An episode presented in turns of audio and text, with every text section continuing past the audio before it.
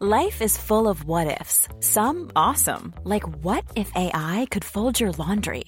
And some, well, less awesome, like what if you have unexpected medical costs?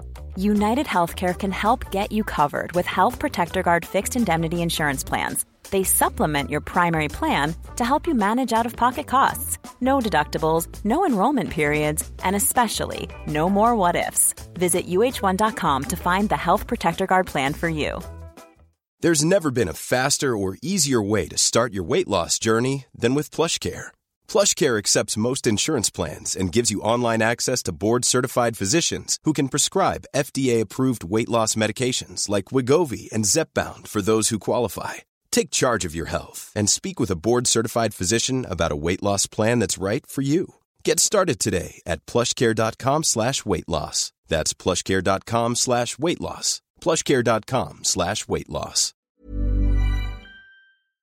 Hallå allesammans och välkomna till ett nytt poddavsnitt Yes. av Frisk och Kvist podcast. Yes. Hur Vad- mår vad- du? Vad brun du är. Tycker du? Har du gjort någonting speciellt? Nej men ni har ju varit på Formel 1 i Silverstone och det var Ja. väldigt bra väder där. Är det sant? Ja. För jag ser att du är lite solkysst. Ja, Du har inte använt liksom bus? nej, nej, Nej, nej, det här är... Ingen fusk? Det är real, real sol. Real sol.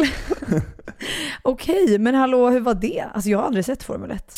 Nej, alltså inte jag heller, inte på det sättet. Men det var Man ju riktig Formel kollat- Ja, ja, gud ja. Det var den riktiga. Alltså de åker ju runt på, kan det vara 44 eller 48 städer typ, alltså, eller Ja. runt om i hela världen. ja. Och det börjar ju med att vi eh, blev medbjudna av ett företag ner till Silverstone som ligger Ja. precis en timme utanför London. Och sen var vi där, kollade på liksom hela Formel 1-tävlingen, vi fick gå bakom med Aston Martin och kolla på det, alltså den bilen de körde. Alltså det var så här, Andreas var ju som, en, en, alltså som ett barn i en Åh. godisbutik. Det var så här, wow. Men gillar han bilar?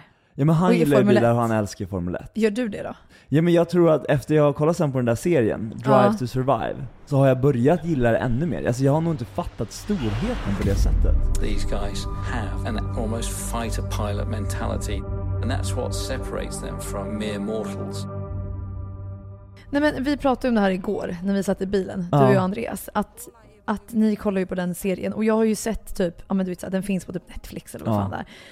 Och folk har bara “Gud den är så bra” och jag känner så här, jag gillar varken bilar eller sport eller någonting sånt liksom. Och jag känner så här, jag kommer inte gilla det där. Men ni sa att det handlar inte så mycket om det. Att det handlar mer om typ så här rivalitet och dramat och om de som faktiskt kör typ. Ja men det är ju, Eller? som, alltså det är ju i hela deras värld, det är så här spänningen, kommer de få vara kvar? Vem åker ut? Ja. Vem kommer fortsätta år efter år? Sponsorer som hoppar av, hoppar på. Och sen också så här, det är ju intrig, alltså det blir ju som ett realityprogram. Och det är så här, så kul att följa. Men alltså jag ska faktiskt ge den här showen, showen, En liten Serien. show. den show en, en, en chans faktiskt. Jag ska faktiskt göra det. För Ja, jag känner att den, den verkar liksom bra och eller den verkar faktiskt inte jättebra, men alla säger att den är jättebra. Och nu säger du att den är jättebra, så jag ska, jag ska ge ett försök. Ja, alltså det är väl olika från person till person vad man tycker, men, Men- jag tyckte den var intressant. Vad kostar det? ko- Är det inte skitdyrt att ko- kolla på Formel 1? Nej, Men i och med att vi åkte ju på en resa tillsammans med ett eh, företag, så Ja, det var spons. det var ju liksom en PR-resa, ah. så att säga. Men jag vet, vad kost, jag vet Nej men jag har för mig att det liksom är super expensive Ja, att åka och kolla på det. där. Alltså jät, jättedyrt. Alltså jag hade blivit så glad om jag fick åka med, vad heter det, till Monaco och kolla på Formel 1. Det hade varit så jävla coolt. Har du blivit så här Formel 1-nörd nu? Vet, Sitter vaken på så här- nätterna och tittar liksom. när vi gick upp i morse och då såg jag att Andreas satt och kollade, jag bara jaha du kollar utan mig? Va? Jag vad är det här liksom? Vi kollar väl tillsammans? Och gud, ni satt alltså i morse och kollade på Formel 1? Ja, vaknade och kollade Formel 1. Nej men Gud. vad som har hänt den här veckan, det var, det var skitkul. Vi pratade om det här lite, att man har den där ångesten av att när det är sol ute, det är så här, då ska man göra saker. Alltså varför kan vi aldrig bestämma oss? Vi bara, alltså, vi gillar inte Sverige för det är så mörkt. Och nu är det Ja. sol. Vi bara, alltså jag får så mycket ångest när det är sol. Men varenda svensk alltså, det är exakt likadant, allihopa. Men, men jag tror det mer handlar om det här va. I Sverige så är det mörkt och kallt åtta månader och sen så har vi fyra månader av sol och värme. Och då är man liksom så taggad på det här. Och så här, du vet, man peppar och man laddar och man planerar och det ena med det andra ska hinnas med. Man liksom trycker in så mycket under de här månaderna. Mm. För att det är den enda tiden vi har. Mm. Och då tror jag bara att det blir så ångestladdat för att man vill hinna med så mycket och man är trött och man vill vila men sen måste man gå ut och göra grejer för att alla andra gör det. Och sen istället blir det typ motsatt effekt, så då blir man typ tröttare egentligen. Ja men typ. Och så tar man igen sig på vintern. Ja men vi har varit såhär, okej vi ska åka på resa till Frankrike i slutet av juli, början av augusti. Nej men vi har pratat om lite att man kan åka upp i landet och typ göra forsränning. Andreas gillar ju sådana här grejer. Alltså Ja. så här, Ja. någonting med lite action-äventyr. Och sen kunde man gå upp och vad heter det, ta med mamma och pappa kanske, åka till Båstad, lite Göteborg, hyra en båt, alltså lite sådana saker. Men också så jag märkte det att Andreas bara såhär, nu vi måste göra det här och det här och det här på semestern. Mm. Jag bara, men måste vi egentligen? Alltså kan man inte bara ha lite så här, ta det som det kommer? Det känns som man gör så mycket hela tiden ändå. Nej men jag förstår vad du menar. Jag fattar ju att han vill du vet, boka in massa saker. Men alltså, jag, jag, jag, jag känner mer att man bok, alltså, bokar man verkligen in allting på sin semester för att man genuint själv vill det? Eller gör man bara det för att alla andra, man ser på Instagram att alla andra gör så jävla mycket. Och så blir man såhär, men gud jag måste också boka in. Och sen bokar man in massa grejer och sen när man väl står där och far och flänger land och rike och till alla andra länder och hit och dit. Alltså då blir man bara exhausted. Mm, Alltså faktiskt. trött. Ja, och så blir det också typ en grej av att man tror på Instagram typ när man scrollar, så tror man bara för att man ser en härlig bild i varje liksom ny profil, så tror man att alla gör alla de här grejerna varje dag. Ja. Men egentligen är det ju bara en person som gör den där grejen just den dagen. Och sen kanske de ligger hemma en vecka med magsjuka, man har ingen aning. Nej men man samlar väl på, alltså det där kan man ju se utifrån hur man själv alltså, jobbar med sociala medier. Mm. Ofta så samlar man ju på sig de godbitarna som gör när det är någonting bra. Ja. Men alltså folk ser ju inte när man sitter hemma och äter makaroner och köttbullar de resterande fem dagarna liksom. Nej, men typ så här, såna här mycket som man postar nu, alltså många andra gör det, men vi gör ju också det så här karusellposts. Ja. Typ så här, så här har veckan ser ut, eller mina senaste bilder ur kamerarullen. Då väljer man ju ut de fina tillfällena liksom senaste veckan och då kanske det har varit två dagar man faktiskt har gjort någonting. Men Man resten av kanske dagarna... borde göra så här, man borde ta absolut de fulaste bilderna också. de bilderna man inte väljer. Ska vi börja göra det på våran, eh, Ska vi testa det? på våran eh, gemensamma? Ja, Att vi ja. bara så här, tar de fulaste bilderna där ingenting hänger ihop, ögonen fladdrar och... Ja, ja, vi har så här äh, veckans, äh, veckans bilder, eller si, sist, si, senaste värsta bilderna, i bilderna. kamerarullen. Ja, ser vi bara vår vecka, hur det faktiskt ser ut på riktigt. Inte Exakt. Instagram. Det gör vi. Pang på rödbetan, det kör vi på. Zooma ut, visa. Verkligheten. Det där är så roligt för att, vet du, förut så skulle jag ha så här hemma hos-reportage, och jag hade glömt det här. De bara 'Vi kommer om en timme' jag bara 'Åh herregud vad gör jag nu?' Jag tog allt och bara sulade in i garderoben. Och så tog jag en bild på det här på Instagram och bara så här, hemma hos-reportage. Folk älskar ju sådana där grejer. Ja, för För det, alla kan relatera. exakt, det är så relaterbart. Och det är det som jag tror man vinner på när man, när man kan relateras till. Men anyway, kul att höra om din vecka. Det är inte där vi ska prata om idag. Eh, Mm. Vill du fråga mig hur jag har haft det eller ska jag? Jo men jag gjorde ju det från början, men du avbröt mig. Nej men. Jossan berätta, hur har din vecka varit? Eh, nej men min vecka har varit eh, så som eh, Instagram-bilderna som man inte lägger upp. Förstår du? Jag har liksom inte gjort så mycket. Ooh. Ja, jag har jobbat, jag har tränat. Nej men jag har ju varit på möhippa. Ja, du ser. Det har jag gjort. Ja, gud, det har jag gjort. Jätteroligt var det. Berätta. Men otroligt kul. Vi lurade ju min vän Elin, Mm. som också har varit min assistent och jobbat med mig massor. Eh, Hon är världens bästa människa och hon blev så överraskad och det var bästa tiden. Vi var på Gotland och hade verkligen en otrolig tid tillsammans. Och det, det är liksom höjdpunkten på hela min vecka. Sen har jag bara chillat, tränat. Nu är mamma här och hälsar på också i tre, fyra dagar så det är mysigt. Kul. Men alltså Mm. jag såg ju möhippan, alla har ju följt den på Instagram. Det, det såg så jävla kul ut. Nej men det var en perfekt Och du hade liksom möhippa. styrt allt i detalj. Alltså det var perfektion på Men allt. jag har inte styrt allt, herregud. Absolut inte. Jullan och alla andra tjejer har hjälpt till, men, men jag har löst någon, någon liten sak där och där. Du ser, man hjälps åt. Man hjälps det är då åt. man får eh, någonting bra av det. Tips är ju faktiskt möhippa på Gotland kan jag säga. Det, det var 10 of 10, säger man så, toasters.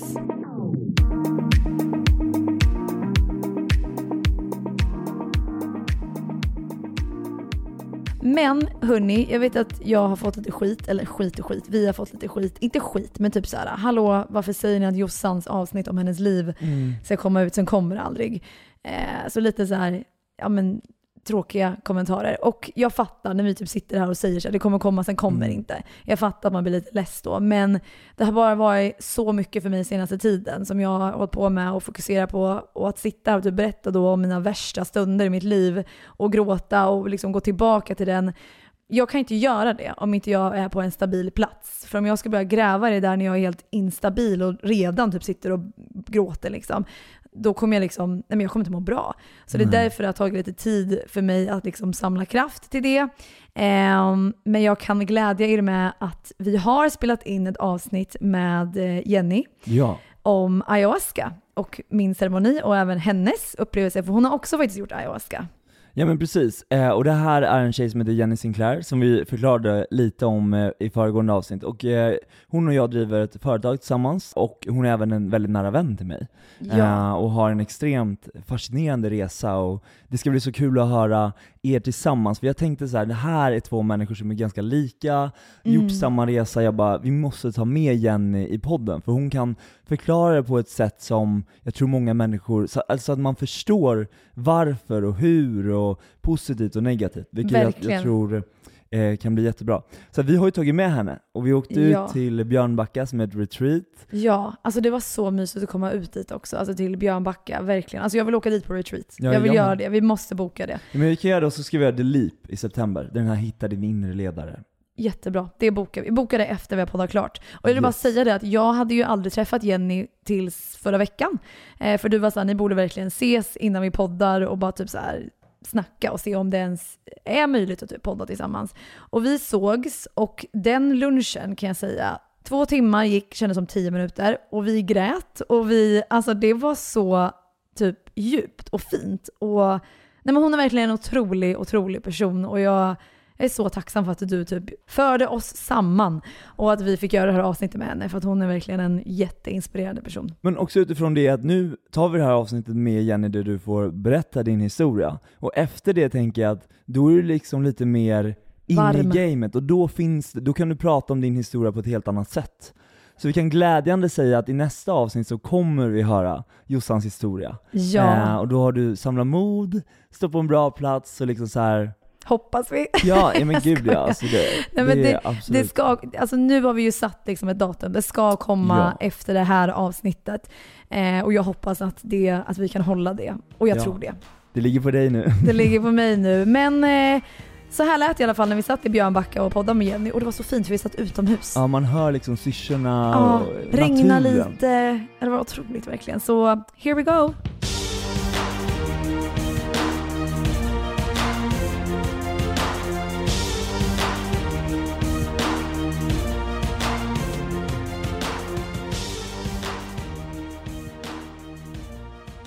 Varför du är här Jenny, det är ju för att vi har ju haft en story nu Viktor innan det här avsnittet där jag berättade lite om mitt liv och min resa precis så som du har gjort.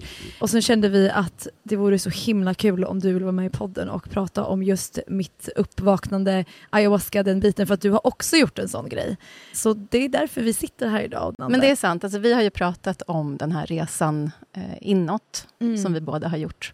Och det är ju ett eh, lugn för mig att få komma tillbaka till det, eh, verkligen. Du menar alltså lugn i att komma hit och få prata om det, alltså komma Ja, tillbaka till det mentalt så. Ja. Ja. Det, alltså så. Det känner jag också för att när jag kom till en viss gräns, eller en tidpunkt i mitt liv där jag kände så här, nu måste jag liksom ta tag i det här. Och sen åkte jag iväg och gjorde på det här retreatet och gjorde den här grejen. Jag tappade det, alltså efter det så var jag liksom väldigt så into it och, och liksom meditera mycket och jag liksom var på helt rätt ställe. Liksom. Det kändes fantastiskt. Men sen kom liksom vardagen igen och man sitter på sociala medier, man scrollar, man liksom mediterar inte, man, man tar inte hand om sig själv, man pausar inte och eh, liksom har ingen man vilar inte. Alltså jag har ju tänkt att jag vilar genom att jag scrollar på mobilen, ligger i sängen och kollar på Mm. mobilen. Det gör man ju inte. Nej. Man vilar ju inte heller genom att kolla på film. En så här morddokumentär när jag går och lägger mig. Alltså så här, det gör jag jämt typ. Alltså så här, det, då vilar jag inte. Då ligger jag där och tittar på det. Det är mycket intryck liksom.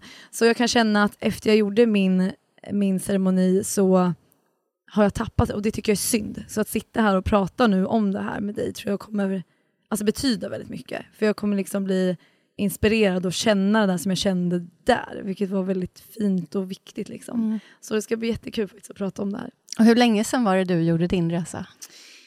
ett år Ja. sen var det nu som jag gjorde det. Men jag känner ju liksom att jag är i resan fortfarande. För att det var så, så himla fint för mig. Men som sagt att jag tappade så jag känner liksom att jag måste gå tillbaka och försöka hitta det där igen för att fortsätta den resan lite. Mm. För att jag hade den stanna upp och nu är jag liksom på väg här igen på något sätt och vill ta tag i den biten igen. Liksom. Ehm, Jag tror det här blir utmaningen för oss i västvärlden, att det här är ju inte en resa man bara åker på och kommer tillbaka ifrån. Medan när man gör det kanske i en stam i Sydamerika så har man sitt community runt omkring sig och det är en helt naturlig del av vardagen. Medan vi åker iväg och gör en ganska eh, livsomvälvande upplevelse, kommer tillbaka, så ska man integrera, så kan man sitta liksom själv. Eh, det är nog inte riktigt meningen egentligen, tror jag. Nej, Så jag tror vi ska börja samlas lite mer och göra det tillsammans. faktiskt. Faktiskt. Det håller jag med om. Jag som inte har gjort det här, och jag är bipolär så att jag kommer aldrig kunna göra det, tyvärr. Men jag har så mycket frågor för det här är så intressant. Det är så här, hur går en ceremoni till? Det tror jag är olika på alla olika ställen. Jag hade förmånen att få vara med Hunnikvinn-stammen från Brasilien, eh, som har en lång tradition eh, av att utföra det här. Och jag var med en kvinnlig shaman. Vilket Det var kändes- jag med. Mm. Kul. Ja. Jag tror att det var rätt för mig i alla fall. Ja. Och det har vi pratat lite om det här med kvinnligt manligt och, och så. Men jag kände mig väldigt trygg och eh, bekväm i den processen. Ja. Mm. Då gick det rent fysiskt till så att vi hade en hel vecka där vi hade en intention först som vi skulle sätta. Så vad är det du själv vill åstadkomma med det här? Vad är det för kunskap eller information du vill hämta? Eh, och så fick man gå igenom det med sig själv eh, innan man kliver in i en sån här ceremoni. Och sen delade vi de här intentionerna med varandra så att man kunde hjälpas åt och förstärka i då cirkeln som vi satt med de här budskapen så att man verkligen hejar på varandra att kunna komma lite längre i processen. Väldigt fint tycker jag. Sen går det till så i alla fall när jag var med att man får eh, rapé som är tobak som kan hjälpa till att fokusera just att man sätter den här intentionen ännu tydligare. Man drar in det i näsan, va? Ja. Ja, mm, precis. Så då blir det som en liten klarhetspuff som Ja. man kan använda för att sätta sin intention eller då sin målbild eh, lite tydligare. Och sedan så gjorde vi i alla fall då på kvällen eh, så får man ta en liten dos i omgångar i en ritual som är väldigt vacker, tycker jag. När eh, eh, hon förbereder då den här brygden som är som ett te. Det är som en rot.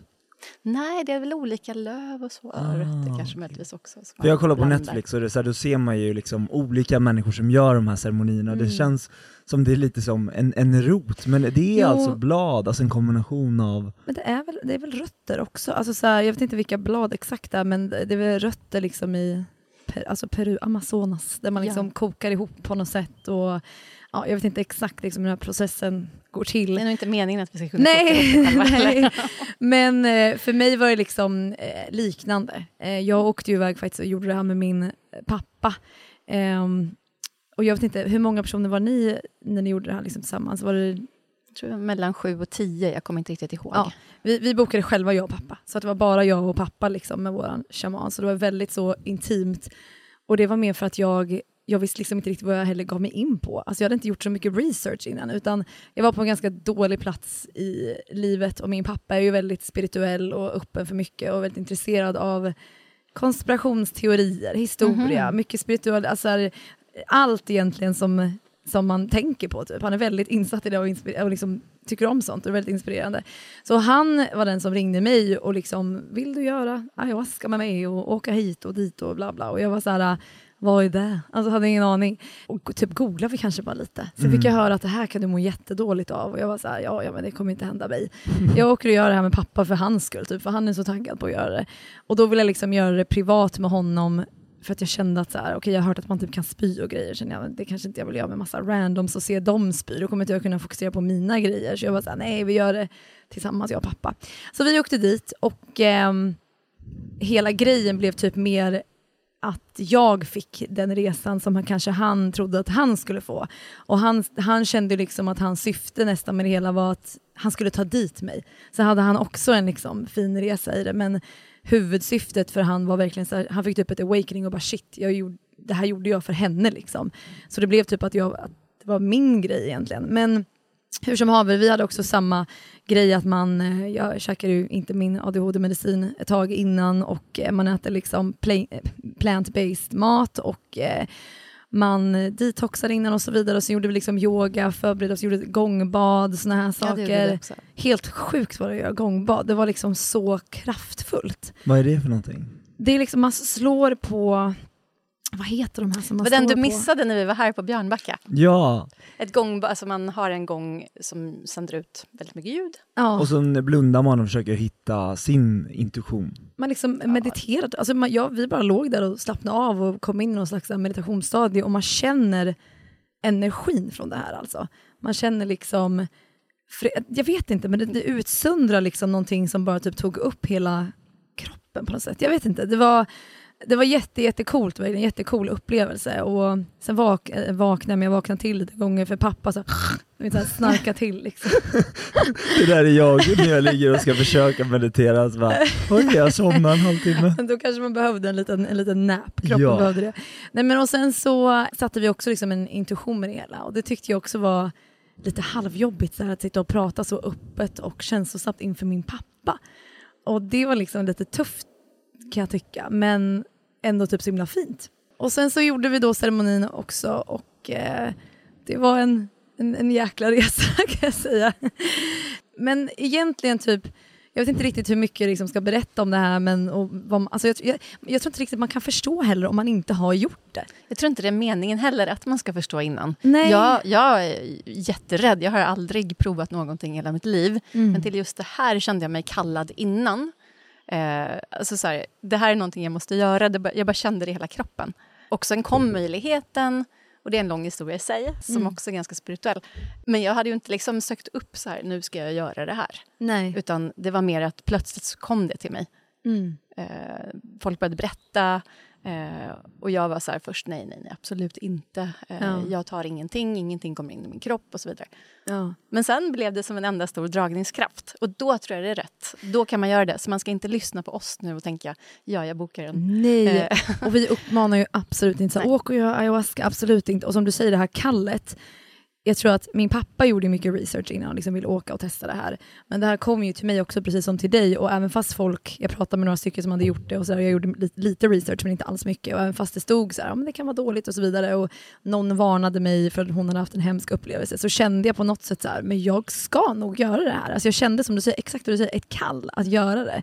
Även fast jag inte visste så mycket om det det är väl typ det vi också säger nu till er som lyssnar på det här att åk inte och gör det här bara för att, liksom, för att det är en kul grej eller någonting, absolut inte, utan känner man ett kall och har gjort sin research och är intresserad av det så ska man absolut kolla upp det. Men det är inte så att vi sitter här och uppmanar folk till att åka och, och göra det här. Men det är snarare kan- så att de, det här är en del av din resa, Mm. och det är ju det vi vill berätta om. Liksom. Mm. Precis. Men sen kunde jag inte låta bli att kolla lite statistik och annat efteråt. ja. Så att, eh, jag tror jag läste någonstans att 80% av de som har gjort den här resan har, eh, har de förändringarna som då kommer ut av det kvar efter två år, tror jag det var. Oj, ja. Så det har ändå gjorts lite research på effekter, Mm. eh, vilket är väldigt fint. Och nu känner ju både du och jag kanske då att det börjar liksom avta lite grann. Mm. Eller att man behöver jobba hårdare för att behålla de positiva effekterna som man vill ha. och få liksom att det ska integreras i din vardag. Liksom, att det, måste, det är väl där jag känner också att jag har tappat mycket. Att jag vill, så som jag kände då vill jag känna, alltså jag vet inte hur jag ska det, typ, heter det amplify, alltså så, eller applicera det i min vardag. Liksom. Mm. Typ så. Men innan vi pratar om kanske vad som händer liksom under ceremonin, kan inte du berätta där lite så med vad det är lite? Och som du säger nu, som du tog upp statistik och det känns som att du har bättre koll än vad jag har på den Ja, biten. det vet inte fasen om jag har, om jag ska ärlig. För att vissa gånger, alltså jag är ju sån här som är helt uppe i mitt huvud i vanliga fall. Alltså jag läser Mm. på, jag är lite nördig på det sättet. Men med det här så vill jag inte göra det, för att jag märkte att det är någonting jag behöver. Att Mm. inte vara i huvudet, utan komma ner i, i kroppen bara. Mm. Och sen blev det precis den upplevelsen för mig. Först och främst ska vi säga så här också, jag fick ju budskap under den här ceremonin som var väldigt välbehövliga för mig. ja. Eh, och då kan man ju bli lite personlig, för att jag gick in dit med min intention om att hitta min kraft igen. Jag Ja. kände att jag hade tappat mycket kraft beroende på olika livssituationer tidigare. Sen under ceremonin så kände jag att nej men, det här har jag redan, så jag började hjälpa andra eh, där inne och tänkte att det här tar inte på mig.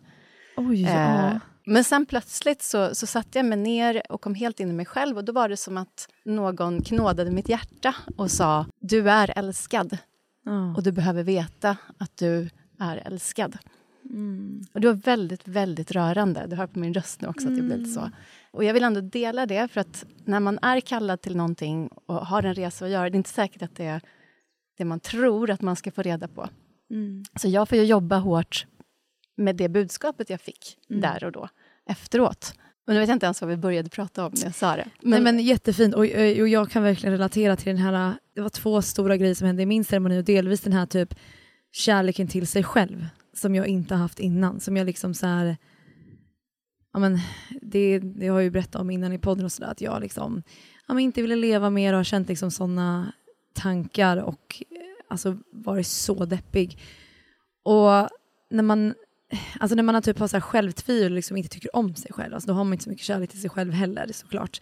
Och i den här ceremonin så handlar det så himla mycket, i alla fall första gången, alltså första kvällen med just kärleken till mig själv typ. Gud nu blir också så här rörd. För att, Åh, och så börjar man skratta för att man liksom inte vill sitta och gråta.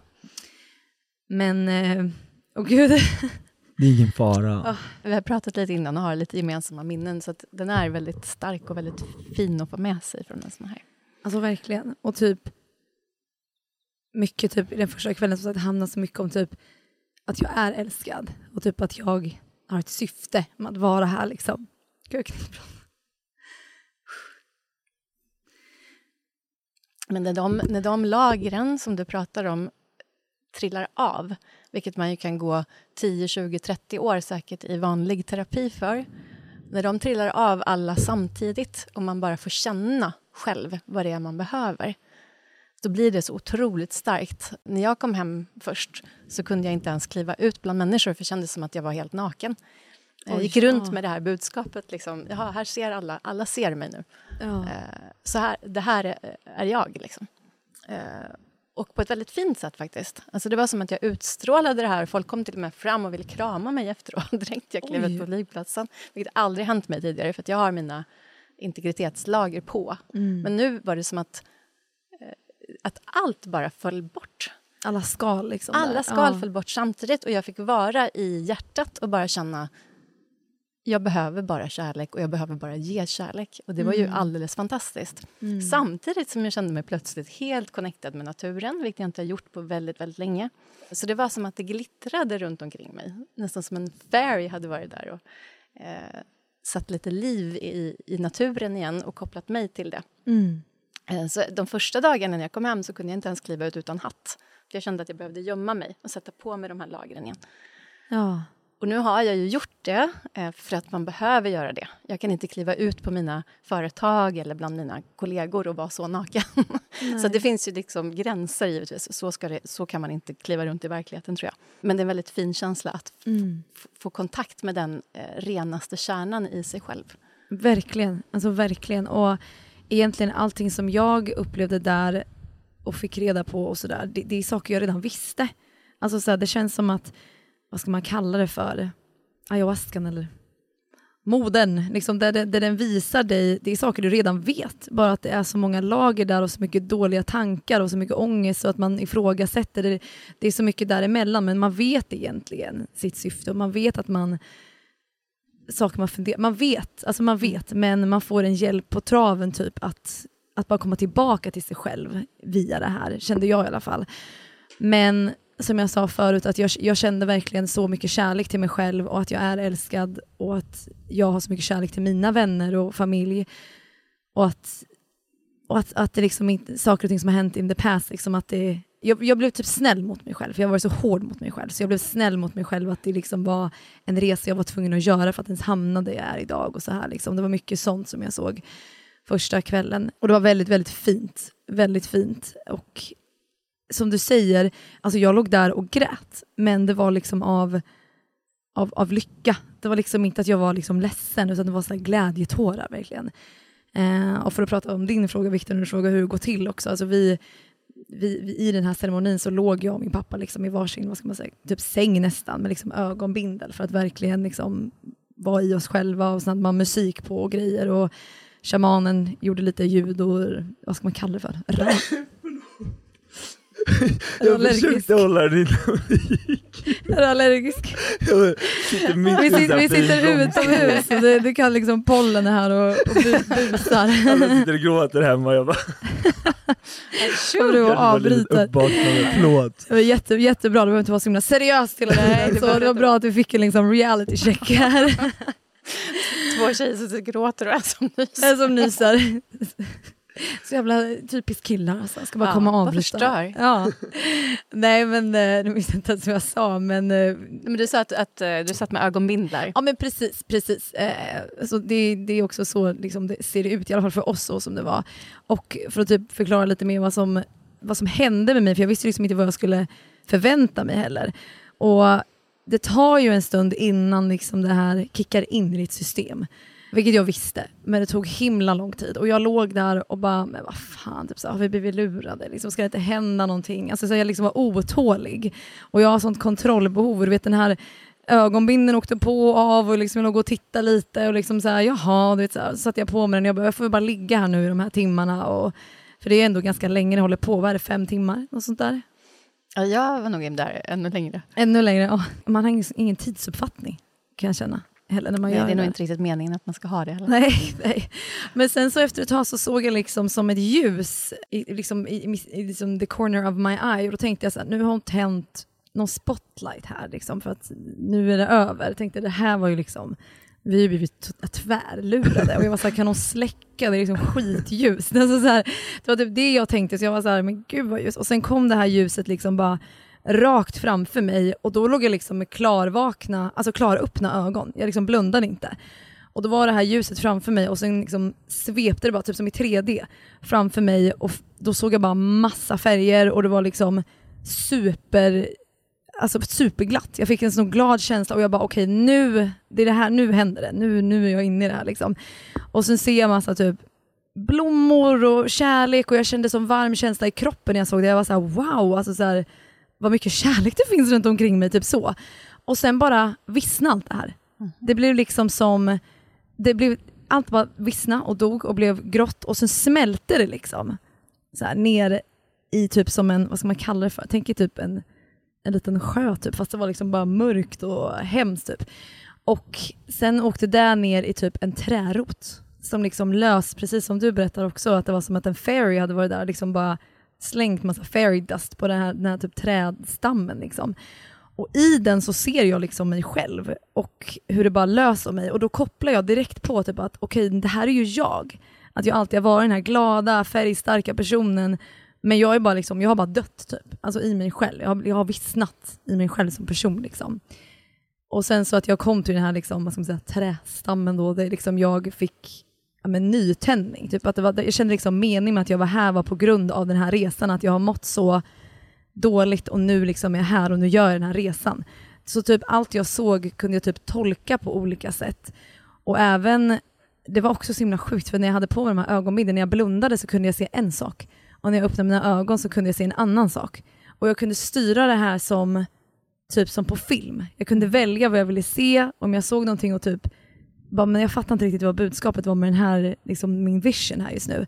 Då kunde jag gå tillbaka, spola tillbaka och bara zoom, och se om det igen och typ pausa och bara, men vad var det där jag såg? Alltså så här, jag var så medveten i allt. Det var inte så att jag låg där och var liksom helt borta och bara, Åh, utan jag var så jäkla medveten med vad jag såg och vad det betydde och det var, det var himla liksom, det var inte alls så som jag förväntade mig. Inte alls.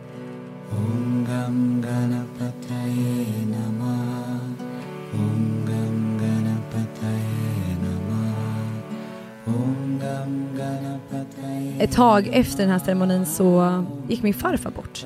Och jag jätte, eller var jättenära honom och jättenära min farmor och farfar. Sådär. Men han gick bort. Och i ceremonin så såg jag att han skulle gå bort. Eh, jag såg att liksom han är trött och gammal och inte, liksom var, in, inte mådde så bra. Och jag såg i samma veva typ såhär min jag såg, min, jag såg som hans ansikte och sen såg jag min pappas ansikte bredvid. Och min typ, det blir jättekänsligt så här för min pappa, han kanske inte vill att jag delar det här för att kolla med honom för säkerhets skull. Men jag såg liksom att om min pappa inte gör en drastisk ändring i sitt liv med hur han lever och sådär så kommer han hamna i samma tankemönster som min farfar och inte kanske vara riktigt nöjd med allting när han går bort liksom. Och det berättade jag för min pappa sen liksom, när vi kom ut därifrån. Jag var så här, jag måste berätta det här, det här kom till mig och jag måste liksom berätta det här för dig. Och, och han tog verkligen till sig av det och har verkligen alltså, gjort förändringar nu, eh, kan jag tycka. Så det, jag såg så mycket saker som, delvis det här med självkärleken och allt det här, men jag såg så mycket andra betydelsefulla och verkligen fina saker också till, till andra. så. Men det är en fantastisk upplevelse. Jag tror att du och jag har haft lite lika Mm. eh, upplevelser, så jag ska inte ta min på det sättet. Men det kan ju vara bra att veta, för att jag var ju en grupp med ganska många människor. Mm. Så att jag tror alla får det till sig som de behöver laga, eller höra eller fixa. ja. Så jag hade en dam bredvid mig, en fransyska, som gick direkt in i ett läge där hon fick se hela sitt liv eh, som barn på film. Och. Hon skrek tror jag i tre, fyra timmar och behövde få ut alla de barndomstrauman som var. Åh, Så jag mm. behövde hjälpa henne då eh, i det först, liksom, innan jag kunde gå in i mitt. Mm. Vilket också, det var helt klart meningen att jag skulle göra det, för att jag fick också veta att jag hade möjlighet att eh, hjälpa till att läka och hålla andra människor. Så det var ett budskap jag fick, att jag ska Då kände du där i ceremonin att jag måste hjälpa henne? Ja, jag liksom. kände det. Ja. så starkt. Ja. Och det roliga är att när jag, när jag var där så, så fokuserade jag bara min... Jag tänkte så här, jag, jag, jag lämnar mig själv och så fokuserade jag på henne och hjälpa henne och hålla henne. Mm. Eh, Men jag höll aldrig i henne fysiskt. Eh, Men dagen efter så kom hon fram till mig och sa eh, tack, tack för att du höll mig hela Wow. kvällen. Gud jag ryser. Ja, alltså, Mm. wow. Eh, Så det var många starka upplevelser och påminnelser om vilken kraft vi har i oss själva. Mm. Och hur vi kan utforska den, tänker jag, till att hjälpa varandra framåt. Verkligen. Verkligen. För det där är ju bara egentligen energier som man kan eh, Mm. jobba med och styra. Ja, ja. Men då måste man också förstå att hela människan är uppbyggd av energier och att verkligen så här, vi kan påverka allting. Mm. Ja. Och det är så här, det blir svart på vitt. En annan grej som, som hände under den ceremonin som inte har så mycket med att göra vad jag såg och grejer direkt, men eh, när jag kom till eh, det här retreatet så hade jag jätteont i min rygg. Och jag har liksom inte sagt det till någon. Alltså så här, ingen visste det, varken min mamma eller pappa eller min, eh, mina ex. Liksom så här, jag har bara haft ont i, i min rygg och tänkt att så här, men det är väl för att jag har stora bröst. Typ. Alltså så här, jag får väl leva med det. och min pappa, naturligt. det är naturligt. Och min pappa har alltid haft ont i ryggen. Så jag är så Han här, har också ja, haft ja. stora bröst. Han har också stora rattar. Nej Nej, gud, men, jag skämtar under ett så viktigt samtal. herregud, nej men det är bra. Lite, lite skoj ska vi också ha, inte bara det här gråta och seriösa. Nej men så han eh, har alltid haft ont i ryggen, så jag tänkte liksom att det är väl bara någonting jag har. Jag har liksom inte rikt- riktigt gjort någonting åt det. Jag har gått mycket på massage och knäckt mig och testat men ingenting har liksom hjälpt mig direkt. Men sen när jag ligger där i den här ceremonin, det här var, det här var första kvällen, så hör jag liksom att shamanen kommer, kommer mot mig, liksom sätter sig vid mig och först så typ lägger hon sina händer på mina fötter och jag känner liksom, det brann i mina fötter. Alltså det, var, det blev så varmt. Det var liksom som energi som bara zoom i hela min kropp och mina fötter brann. Och sen så liksom låg jag på sidan och då kom hon fram till mig och hon hade ju ingen aning om att jag hade ont i ryggen. Och sen så satte hon sina två händer på min rygg, exakt där jag hade ont. Och då ser jag, för just då var jag inne i en helt annan liksom, scenery i, liksom, i, min, i min trip här. Men då avbryts det och jag ser liksom mig själv bakifrån liksom, som person, som ett skelett. Liksom. Alltså jag ser mina ben så. Och sen liksom zoomar det in, bara bam, rakt in på det här jag ser liksom min ryggrad och vart jag liksom har ont. Jag ser liksom vart min smärta sitter och att det liksom är krossat. Det liksom sitter liksom, det är bara helt liksom scattered eller vad man ska säga. Och då ser jag liksom när hon håller händerna så ser jag liksom att ett ljus, den färgen såg jag typ gå som en stråle genom hela min kropp och zooma in ännu längre på min ryggrad och bara så här, alltså knäckte ihop allting. Och efter det har inte jag haft ont i ryggen. Alltså jag lovar på allt. Jag vaknade upp därifrån och bara, all min smärta är alltså borta från min rygg. Och jag var helt, jag var helt chockad. För jag har aldrig trott på typ så här healing, jag har hört om det och jag bara ja, ja, det, är väl, det finns väl, men typ så här, whatever, jag orkar nej, nej. Men kan inte ni två ta på er och testa alla olika saker, så går ni som våra guinea pigs? Ja, Och dela ska vi med er. det? Jo, Det är det jag väl hoppas det som är tanken, alltså under hösten liksom att vi provar på olika saker. Ja, det, Kanske som, inte just ayahuasca men liksom... det kan inte du, men all- nej, ja. oj, jäklar, jag slog till. Nej, men det är kanske är det vi ska göra, testa allt det här Viktor för att se om det funkar. För just den här grejen, jag blev så chockad. Alltså ayahuasca-delen absolut i, liksom i sig var en hel liksom, omvändning för mig, men det här med att hon healade min rygg. Nej, Men jag, jag har gått till en healingmassörska i Stockholm. har du? Ja, Ja. Var det det berättade om när vi sågs Jag kanske? tror att jag gjorde det. Jag tror att jag berättade om en maurisk teknik som hon använder. Ja, ja. Och, och där blev jag också helt chockad först, för jag höll på att skratta ihjäl mig först när det liksom, det, det, hon hyschar och pyschar och så ja. här. Eh, Men är en riktig magiker för mig i alla fall. För när jag hade varit där, då hade jag trauma i kroppen. Alltså då hade jag blivit överfallen, och inte bara en gång utan flera gånger.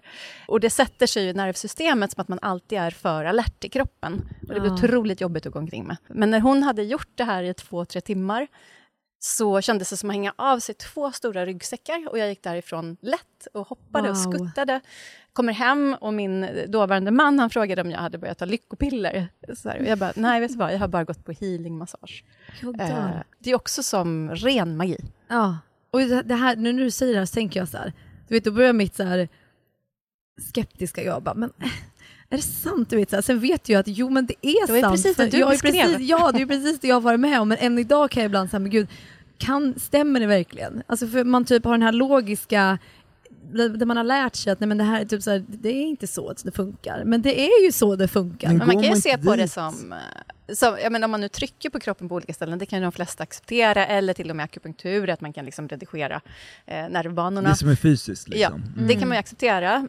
Men det är ju exakt det man gör, är ju att ändra energin i kroppen. Ja. Så jag förstår inte riktigt vad skillnaden skulle vara egentligen. Men det här är jätteintressant för att när jag var på en väldigt mörk plats i livet, och det är så här, jag trodde inte heller på alla de här grejerna. Men då eh, gick jag och besökte Anders Knutas för första gången. Och det här är kanske fyra år sedan. Och efter att jag hade varit där och suttit i två timmar och bara pratat och han hade suttit och ja, men, gjort lite ljud och satt och kollat mig rakt in i ögonen och jag bara det här är läskigt på riktigt. Men sen när jag satt mig ner i soffan när jag kom hem, så var det som att det blåste så här friska vindar i bröstet. Jäklar. Och jag var så jag bara wow, det här funkar verkligen. Alltså det är som att, det- som att man landar. Man blir så lugn. Ah, lugn och att det Ja. inte blir den här ryggsäcken som du pratar om. Att man bara känner att så här, det finns ett hopp.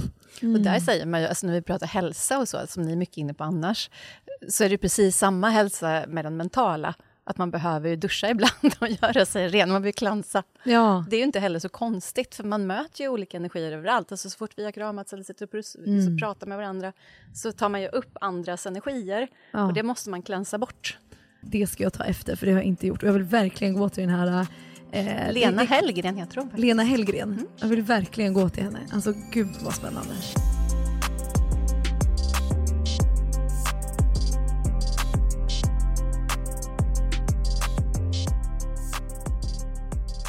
En annan sak som jag tyckte också var himla typ spännande men också typ läskigt men bra i min ceremoni i alla fall.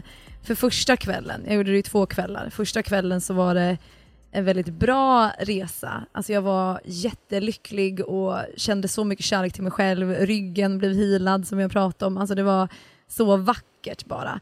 Men ibland kom det fram, det liksom bara dök upp här och där som en, det var en dörr, trädörr typ så här, med två handtag.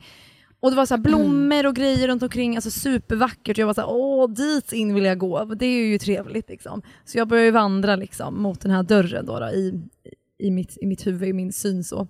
När jag kommer fram och ska ta tag i dörren så bara dör den. Alltså den tvärvissnar. Alltså jätte, jättemörk blev den. Alla blommor dör, allt. Och jag var så här: wow, här vill inte jag gå in typ. Det här är jätteläskigt för vad är på andra sidan? Jag visste inte. Så jag var så här: nej, nej men det, det här vill jag inte gå in. Och när jag såg den här dörren så mådde jag ju liksom jätteilla. Alltså jätteilla.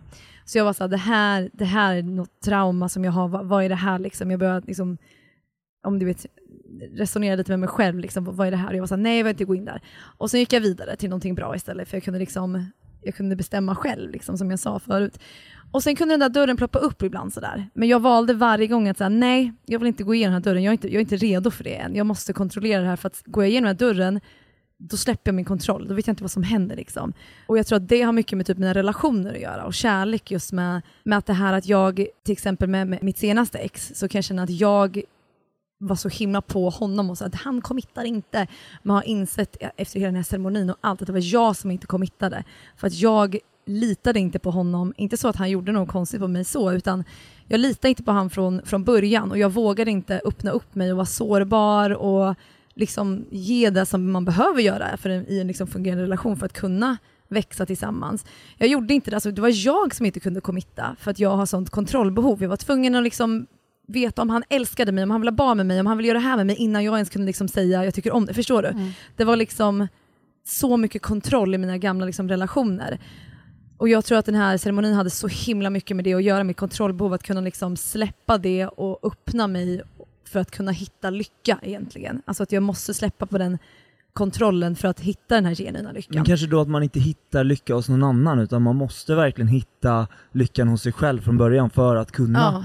Älska någon annan. Också så här att man går till sig själv och man börjar fatta, okej det här kanske ligger 100% Mm. mer på mig Mm. än vad det ligger på de människorna som jag har haft en annorlunda känsla eller inte tyckt om på det Mm. sättet. Ja men absolut, det också. Men också det här liksom med att jag inte vågar lita på kärleken. Att inte våga lita Mm. på att, att någon älskar mig och jag kan vara öppen och jag kan vara mig själv och jag kan vara sårbar. Liksom, det är inte farligt, jag kommer inte bli sårad liksom, om, jag, om jag gör det. Men andra kvällen då, för som sagt första kvällen var det jättebra, andra kvällen så tänkte jag så här, nu ska jag verkligen, verkligen gå in i det här. Så då fick jag faktiskt en liten, liten skvätt mer av liksom ayahuascan.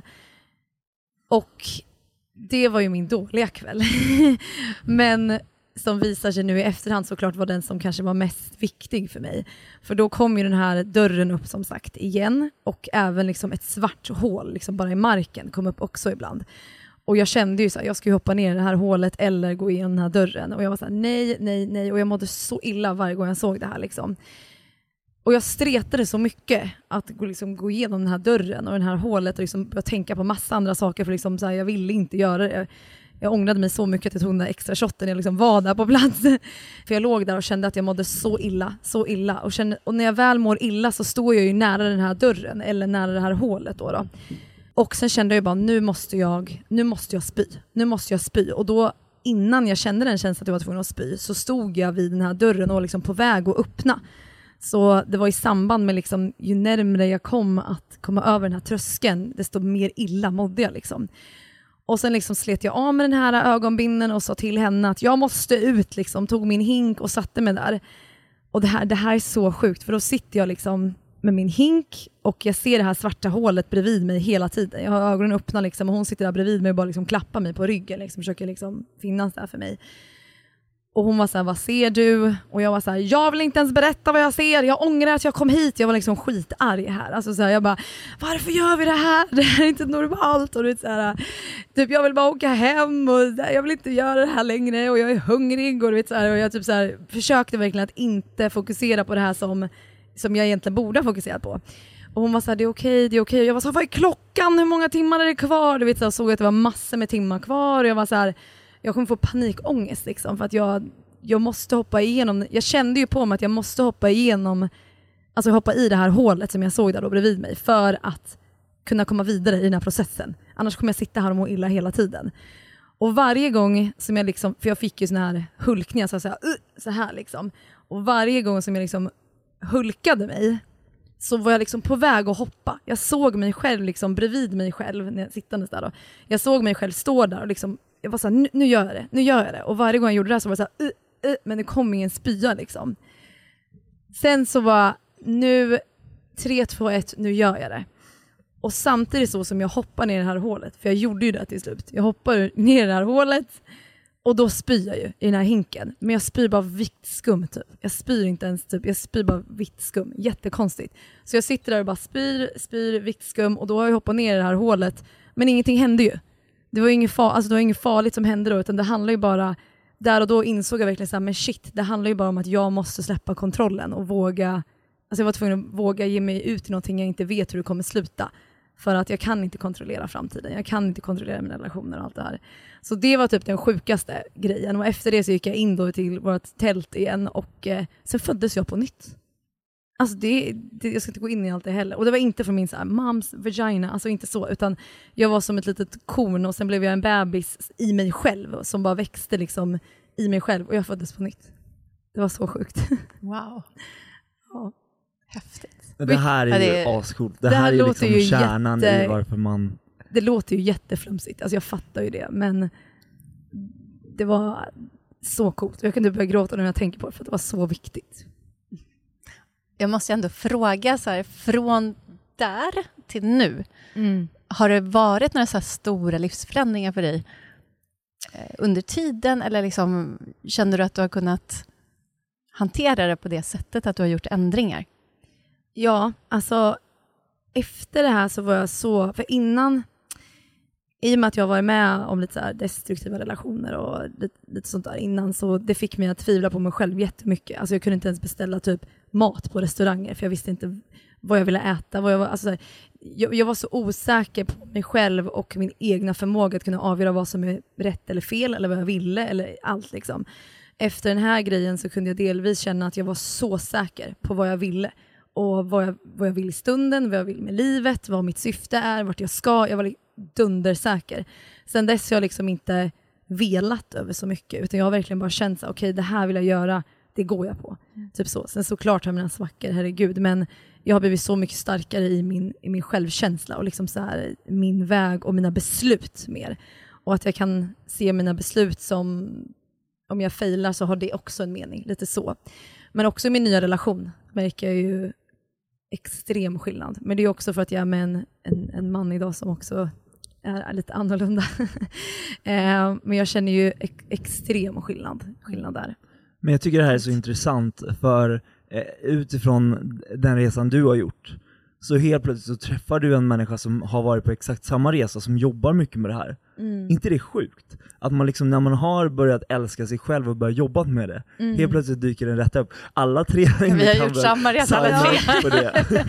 Jo men det, det tror jag verkligen. Alltså, men tror inte ni också att det är så att när man, man behöver inte vara klar i, i, liksom med livet och sin utveckling och sin resa, men när man hamnar i ett ställe, liksom, på en frekvens där man bara, ett, ett, liksom, ja, men där man älskar sig själv mer och förstår du vad jag menar här? Det kommer till dig när du sänder ut det på något sätt. Förstår ni vad jag Ja, det menar matchar här? väl Det är på allt. vibration. Ja. om Ja, man säger så. matcha på- med vibration. Är det där, var det där du sa? Ja. ja Nej, men exakt alltså, så. Vibration, det här pratade vi om förra avsnittet, timing. Ja. Liksom så här, allt sker av en anledning exakt när det ska ske. Men där gillar jag att jag kommer från techbranschen för då blir allting extremt logiskt. Mm. Jag menar, kan man programmera med nollor och ettor så är det klart att man kan göra det även i det biologiska systemet. Så jag tycker inte det behöver låta ens... För jag blev nämligen labelad lite flummig här för första gången i mitt liv för ett tag sedan när jag stod på scen. Eh, och jag blev väldigt upprörd, men då kom jag på sen hur jag ska förklara det här. Alltså det är ju ändå väldigt eh, logiskt Ja. När man säger det på det sättet. Men människor som säger att du är flummig är ju människor som själva är väldigt osäkra och liksom så här. Ja, det är ju ett sätt givetvis att... den gubben Ja. skulle ju själv behöva sätta sig ner och ta ett Men- litet men- shot. men jag Den gubben och jag kommer att podda om det. Ja, det är bra, Åh det är gud vad bra. spännande. Det vill jag lyssna på. Men jag tror också det att med vissa människor, jag tror också att bara acceptera att vissa människor har inte den kapaciteten eller förmågan att tänka utanför sin box. Och liksom sin, det, det kanske inte bara går för alla. Och man, eller det, det kanske går, men inte, inte nu. Det kanske tar en lång, lång tid och då kan man liksom inte vara där och typ pilla i det och bara men du måste både tycka som mig eller du är galen. Alltså, de har inte liksom verktygen för att kunna se det som, som vi ser hörni. Men fattar ni vad jag menar där lite? Ja, absolut. Men jag tror att det finns väl en vits med forskning också. Jag ställde den frågan till AI för övrigt. Varför behöver vi forskning kring det vi redan vet? Ja. Eh, och det, det kom ganska bra svar i det. Liksom. För att man ska kunna just materialisera det utanför kroppen. För de som inte har den möjligheten eller kopplingen ännu så behöver man ändå eh, bryta ner saker Mm. för att också sen kunna bygga upp dem då i den fysiska världen. Ja, ja, Så, och det är väl ganska fint svar tycker jag. verkligen. Ja, verkligen. verkligen.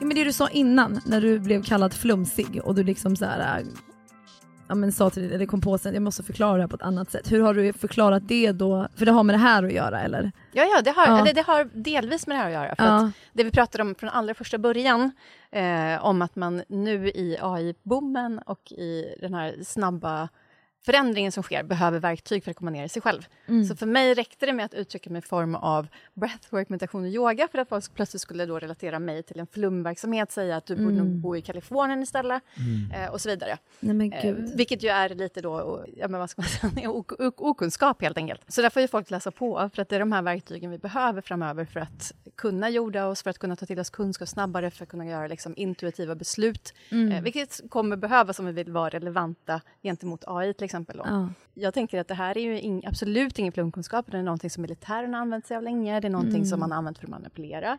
Men nu gäller det också att hitta tillbaka till någonting där vi har rätt intention bakom. Mm. Att göra det här av rätt anledning, alltså för Mm. Eh, Ja, du var inne på kärlek tror jag. Ja, men precis. Ja, men precis. Mer av kärleksfulla motiv än vi har gjort tidigare. Ja. Men själva verktygen, de finns ju. Mm. Eh, Precis. Och det är de vi behöver liksom få upp. Och, och du frågade tidigare till exempel vad ungdomar behöver göra idag. Mm. Ja, men jag tror verkligen på det. Vi behöver komma tillbaka till ett läge där vi förstår kroppen, förstår energierna Mm. eh, för att kunna komplettera till den här väldigt tekniska världen vi lever i.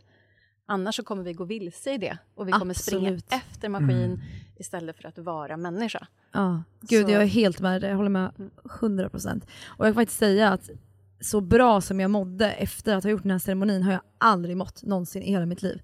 Så närvarande som jag var då och i mig själv och så förstående och liksom snäll mot mig själv och så mycket som jag ville göra för andra också så här, och jag ville liksom, jag var så här, nu ska jag ta över hela världen och, och typ så här, men så trygg och, lugn och säker som jag kände mig då för att jag var så mycket i mitt hjärta och för att jag hade liksom gått igenom det här. Har jag, det, det har jag aldrig känt innan. Och det var ju för att jag har gjort det här, jag var i naturen flera dagar, jag liksom så här mediterade. Alltså så här, det är ju de här verktygen du behöver för att må sådär, för att må bra. Och jag kan säga att alla mina terapitimmar jag har gjort, alla tusentals tänkte jag säga, men alla jag har gjort någonsin i mitt liv har ju inte hjälpt mig ens i närheten av vad det här har gjort för mig. Och sen så tror inte jag att man kan åka på ayahuasca och livet är en dans på rosor sen, så är det ju inte. Men det hjälpte mig att ta liksom ett steg in i någonting bättre och det liksom öppnade mina ögon. Och jag liksom insåg så mycket där. Men återigen, jag har tappat det lite och det gör mig lite ledsen faktiskt. Jag vill liksom vill komma in i det där igen.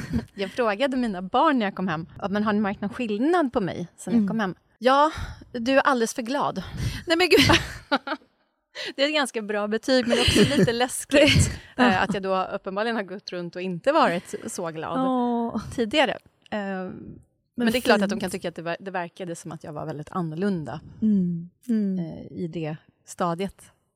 Ja, det, det är ju klart, men det, det var ju ett positivt betyg faktiskt, som du säger. Alltså, Ja, och då- fint. Till det hör ju att jag också har gått ett år i KBT.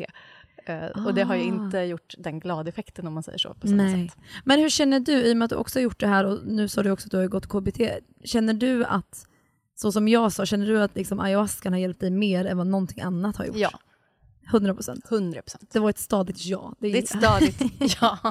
ja. Och vad känner du, hur det har liksom påverkat i ditt liv nu efteråt? Liksom? Vad, har det, vad har det gjort med dig? Jag har haft mycket lättare att ta till mig information. Eh, så det här är helt andra effekter. Förutom då att jag är gladare, lyckligare, mer jordad i mig själv så känner jag också att det har hjälpt mig rent arbetsmässigt. För jag är tydligare, jag är klarare eh, Jag känner mig lugnare i att jag vet vad jag håller på med. Jag behöver inte fundera så mycket, utan jag vet. Men du gör också det du ska göra och Jag det gör du vill göra. Du springer göra. inte på de bollarna som bara kommer utan bara så Nej. här. det här är den vägen jag vill framåt, Mm. det gör jag. Det tycker jag du också gör Jossan. Alltså så här, man Ja. hittar Men jag skulle spår. fråga dig, för det är ju ganska intressant faktiskt. Ja. Jag frågar dig som jag frågar mina Du, barn. du är ganska intressant. Ja. Men jag frågar dig på samma sätt som jag frågar mina barn. Alltså, Vad har Mm. du märkt för skillnad? Men jag tror att jag har märkt framförallt att du är väldigt mer självsäker, du, du är gladare, och också så här, du springer på de bollarna precis du ska springa på. Så här, du har ju alltid varit en fantastisk person, men sen du kom hem därifrån så är det så här, man märker ju ganska alltså snabbt effekten som du har gett på människor. Framförallt om man har levt varandra så nära i så många år. Mm. Men framförallt kanske att du liksom känns mer lugn i dig själv. Är du med jag menar? Det känns som att, så att du visste exakt vad du vill. Jag vet inte om du visste det innan, 100% utan så här, man, både du och jag har varit så här mycket, man vill hjälpa alla, man vill vara på Ja. alla platser samtidigt till att bara så här, nej det här är det jag ska göra. Mm. Det är inget annat. Ja, men jag tror också som du sa, jag känner mig snällare mot mig själv i Mm. att jag faktiskt kan jobba utifrån min övertygelse. Ja. Jag behöver inte alltid lyssna på alla andra. Och jag säger det ur ett positivt pers- perspektiv. För Mm. man blir ganska fladdrig om man ska hålla på att ta in saker hela tiden och vara väldigt lyhörd. Och jag är fortfarande lyhörd, hoppas jag. Men den här gången så vet jag vad som kommer inifrån. Mm. Men exakt så som du säger att, att det är också ditt beslut, att du behöver inte så mycket andras liksom, inputs eller whatever. Förut var jag så här, jag typ lät andra som jag sa beställa åt mig på typ restaurang vad jag skulle äta för att jag var typ så himla så här, jag vet inte ens vad jag ska äta för att jag hade ingen jag, kunde inte, jag hade inte förmåga att liksom bestämma saker och ting själv. Men kan det bero Men- på att andra människor som har varit runt om dig i olika relationer har påverkat dig till att tycka det du ska tycka? Eller, eller kanske rättare sagt tagit ifrån dig rätten att tycka vad du vill? Jo, men, men självklart. Alltså så här, det... Eh, det har funnits personer i mitt liv innan som har kanske inte tag, tagit, liksom, eller jo det kanske är rätt, men de har ju fått mig att, att tvivla på att jag kan se vad som är rätt och vad som är fel. Alltså de, de har tagit, Psykopat? ja, min alltså förmågan att kunna avgöra själv, som jag sa förut, vad som är rätt, vad som är fel, vad jag faktiskt ser med mina ögon, det försvann liksom ett tag. Mm. Den här liksom tryggheten i att kunna avgöra någonting och lita på sig själv, att jag har rätt i det här eller jag har fel här, den fanns ju inte. Den här typ självinsikten liksom, och typ ens fria vilja typ egentligen, den blir typ lite, lite rubbad. Alltså så här, den är inte riktigt on point så att säga.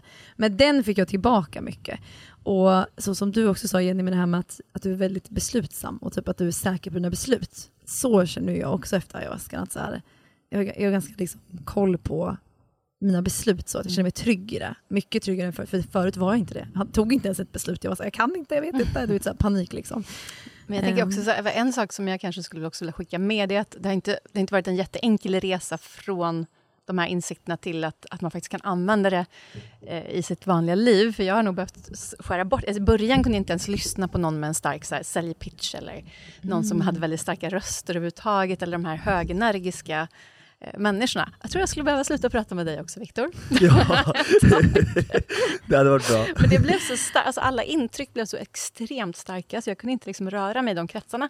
Och då tänkte jag ett tag, liksom, ska jag gå all in på det här, utforska hur långt jag kan komma eh, och istället gå helt över liksom, till den världen. Tills då folk omkring mig sa så här, nej men vet du vad, du behövs i, du behövs i näringslivet, du behövs inom techvärlden för att liksom, integrera de här budskapen på ett bra sätt. Så man får inte heller liksom, gå för långt i tror jag, den här inre resan så att man inte kan fungera i samhället. Behöver, vi behöver verkligen se hur vi tar de här verktygen liksom in i... Men det är helt rätt, men också så här, det jag ser utifrån, utifrån liksom hela det här samtalet, så här, att vi föds med en själ.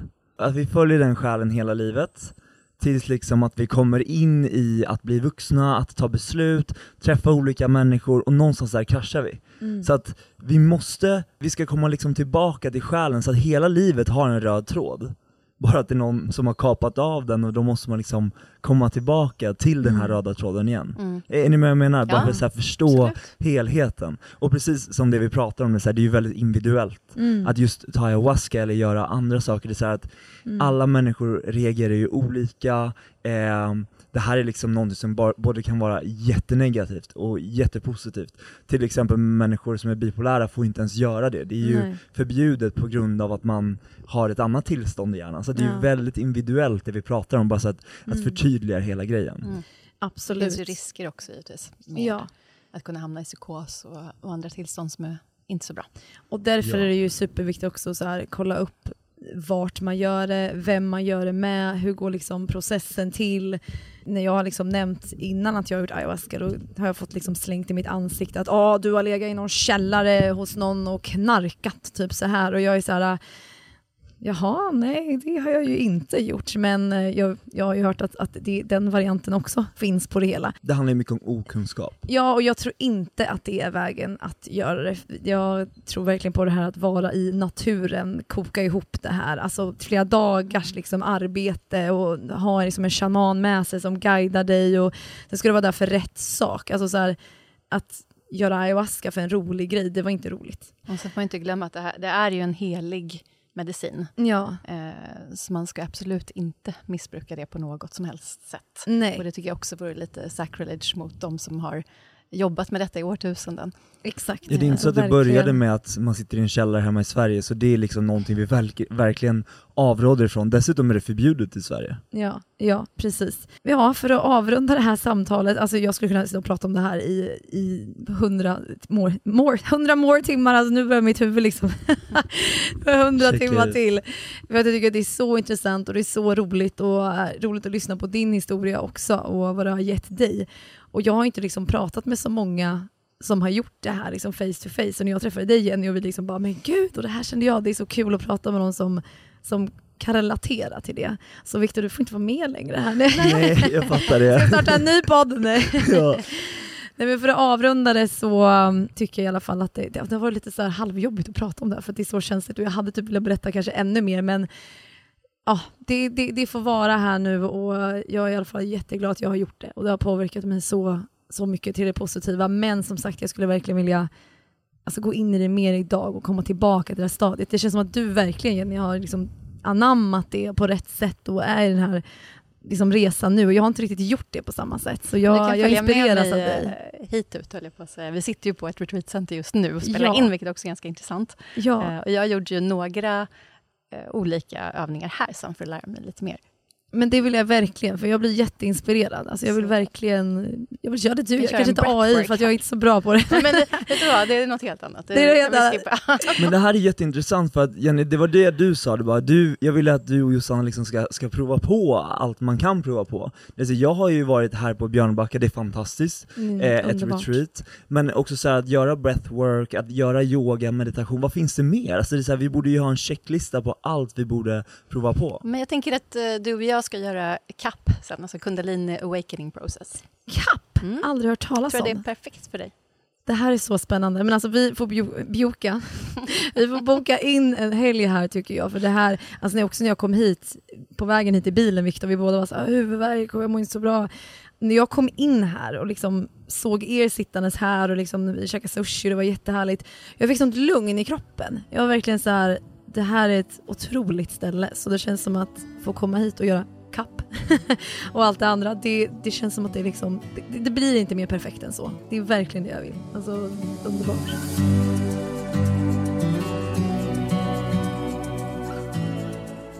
Nej, jag tycker det här har varit så intressant Jenny, vi är så glada att du har varit här, väldigt givande. Men bara en sak till, en fråga till både dig och Josefin. Säg tre saker liksom som ni tar med er, som andra människor som lyssnar på det här avsnittet kan applicera i sina egna liv.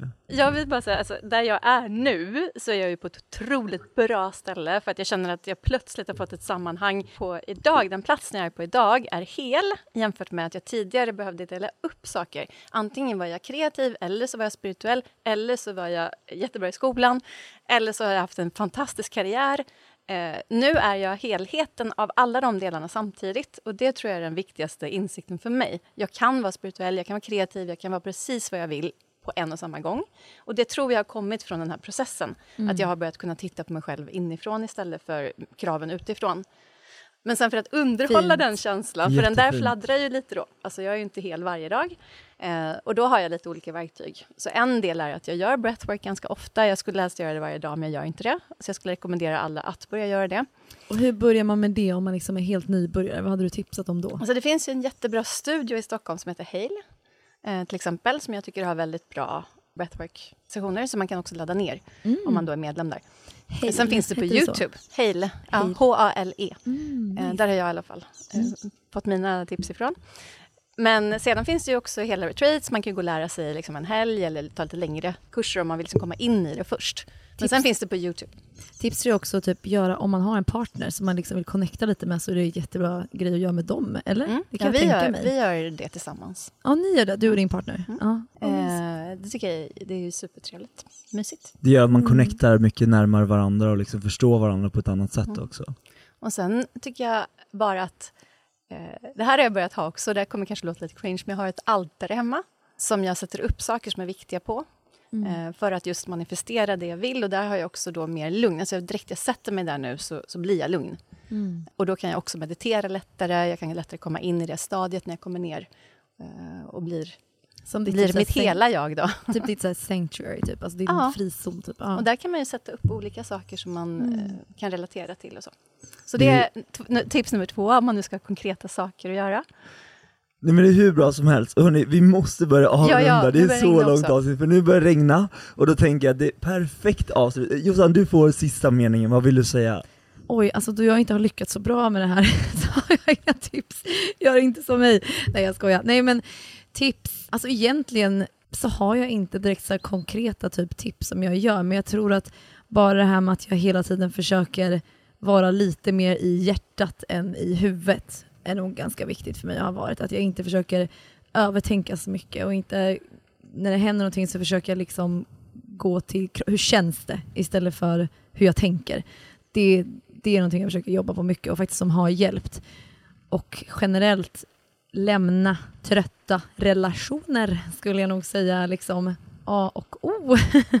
Sen är det jättesvårt, I know, men shit vad det känns alltså, annorlunda när man hittar någon som, som liksom möter en och som, Att man är på samma frekvens liksom. ja men en, en trygg och snäll person. Alltså det, och det är inget här, tips, typ så här, gå och hitta en bra här, partner, men det finns, och det är typ det jag vill typ mer säga, att, att jag, jag har inte tänkt att det finns. Alltså jag har sagt nej, nej, nej, nej, och varit livrädd för allt med kärlek att göra, men nu börjar jag sakta men säkert liksom öppna mig och jag känner, det, det, det är så fint, det är så betydelsefullt bara för mig. Så, Men tror ni Ja. att det handlar om då, för att så här, många människor som är i en destruktiv relation, eller att man liksom eh, både vänskap och kärlek, att man liksom känner att det här är inte bra. mm. Det kanske är då så här, för då tar man ju in den människans energier. Så skulle man då Såklart. jobba skulle man då jobba på att skapa en fin energi tillsammans, eller båda får jobba på sitt håll med sig själva, det kanske också kan rädda relationer.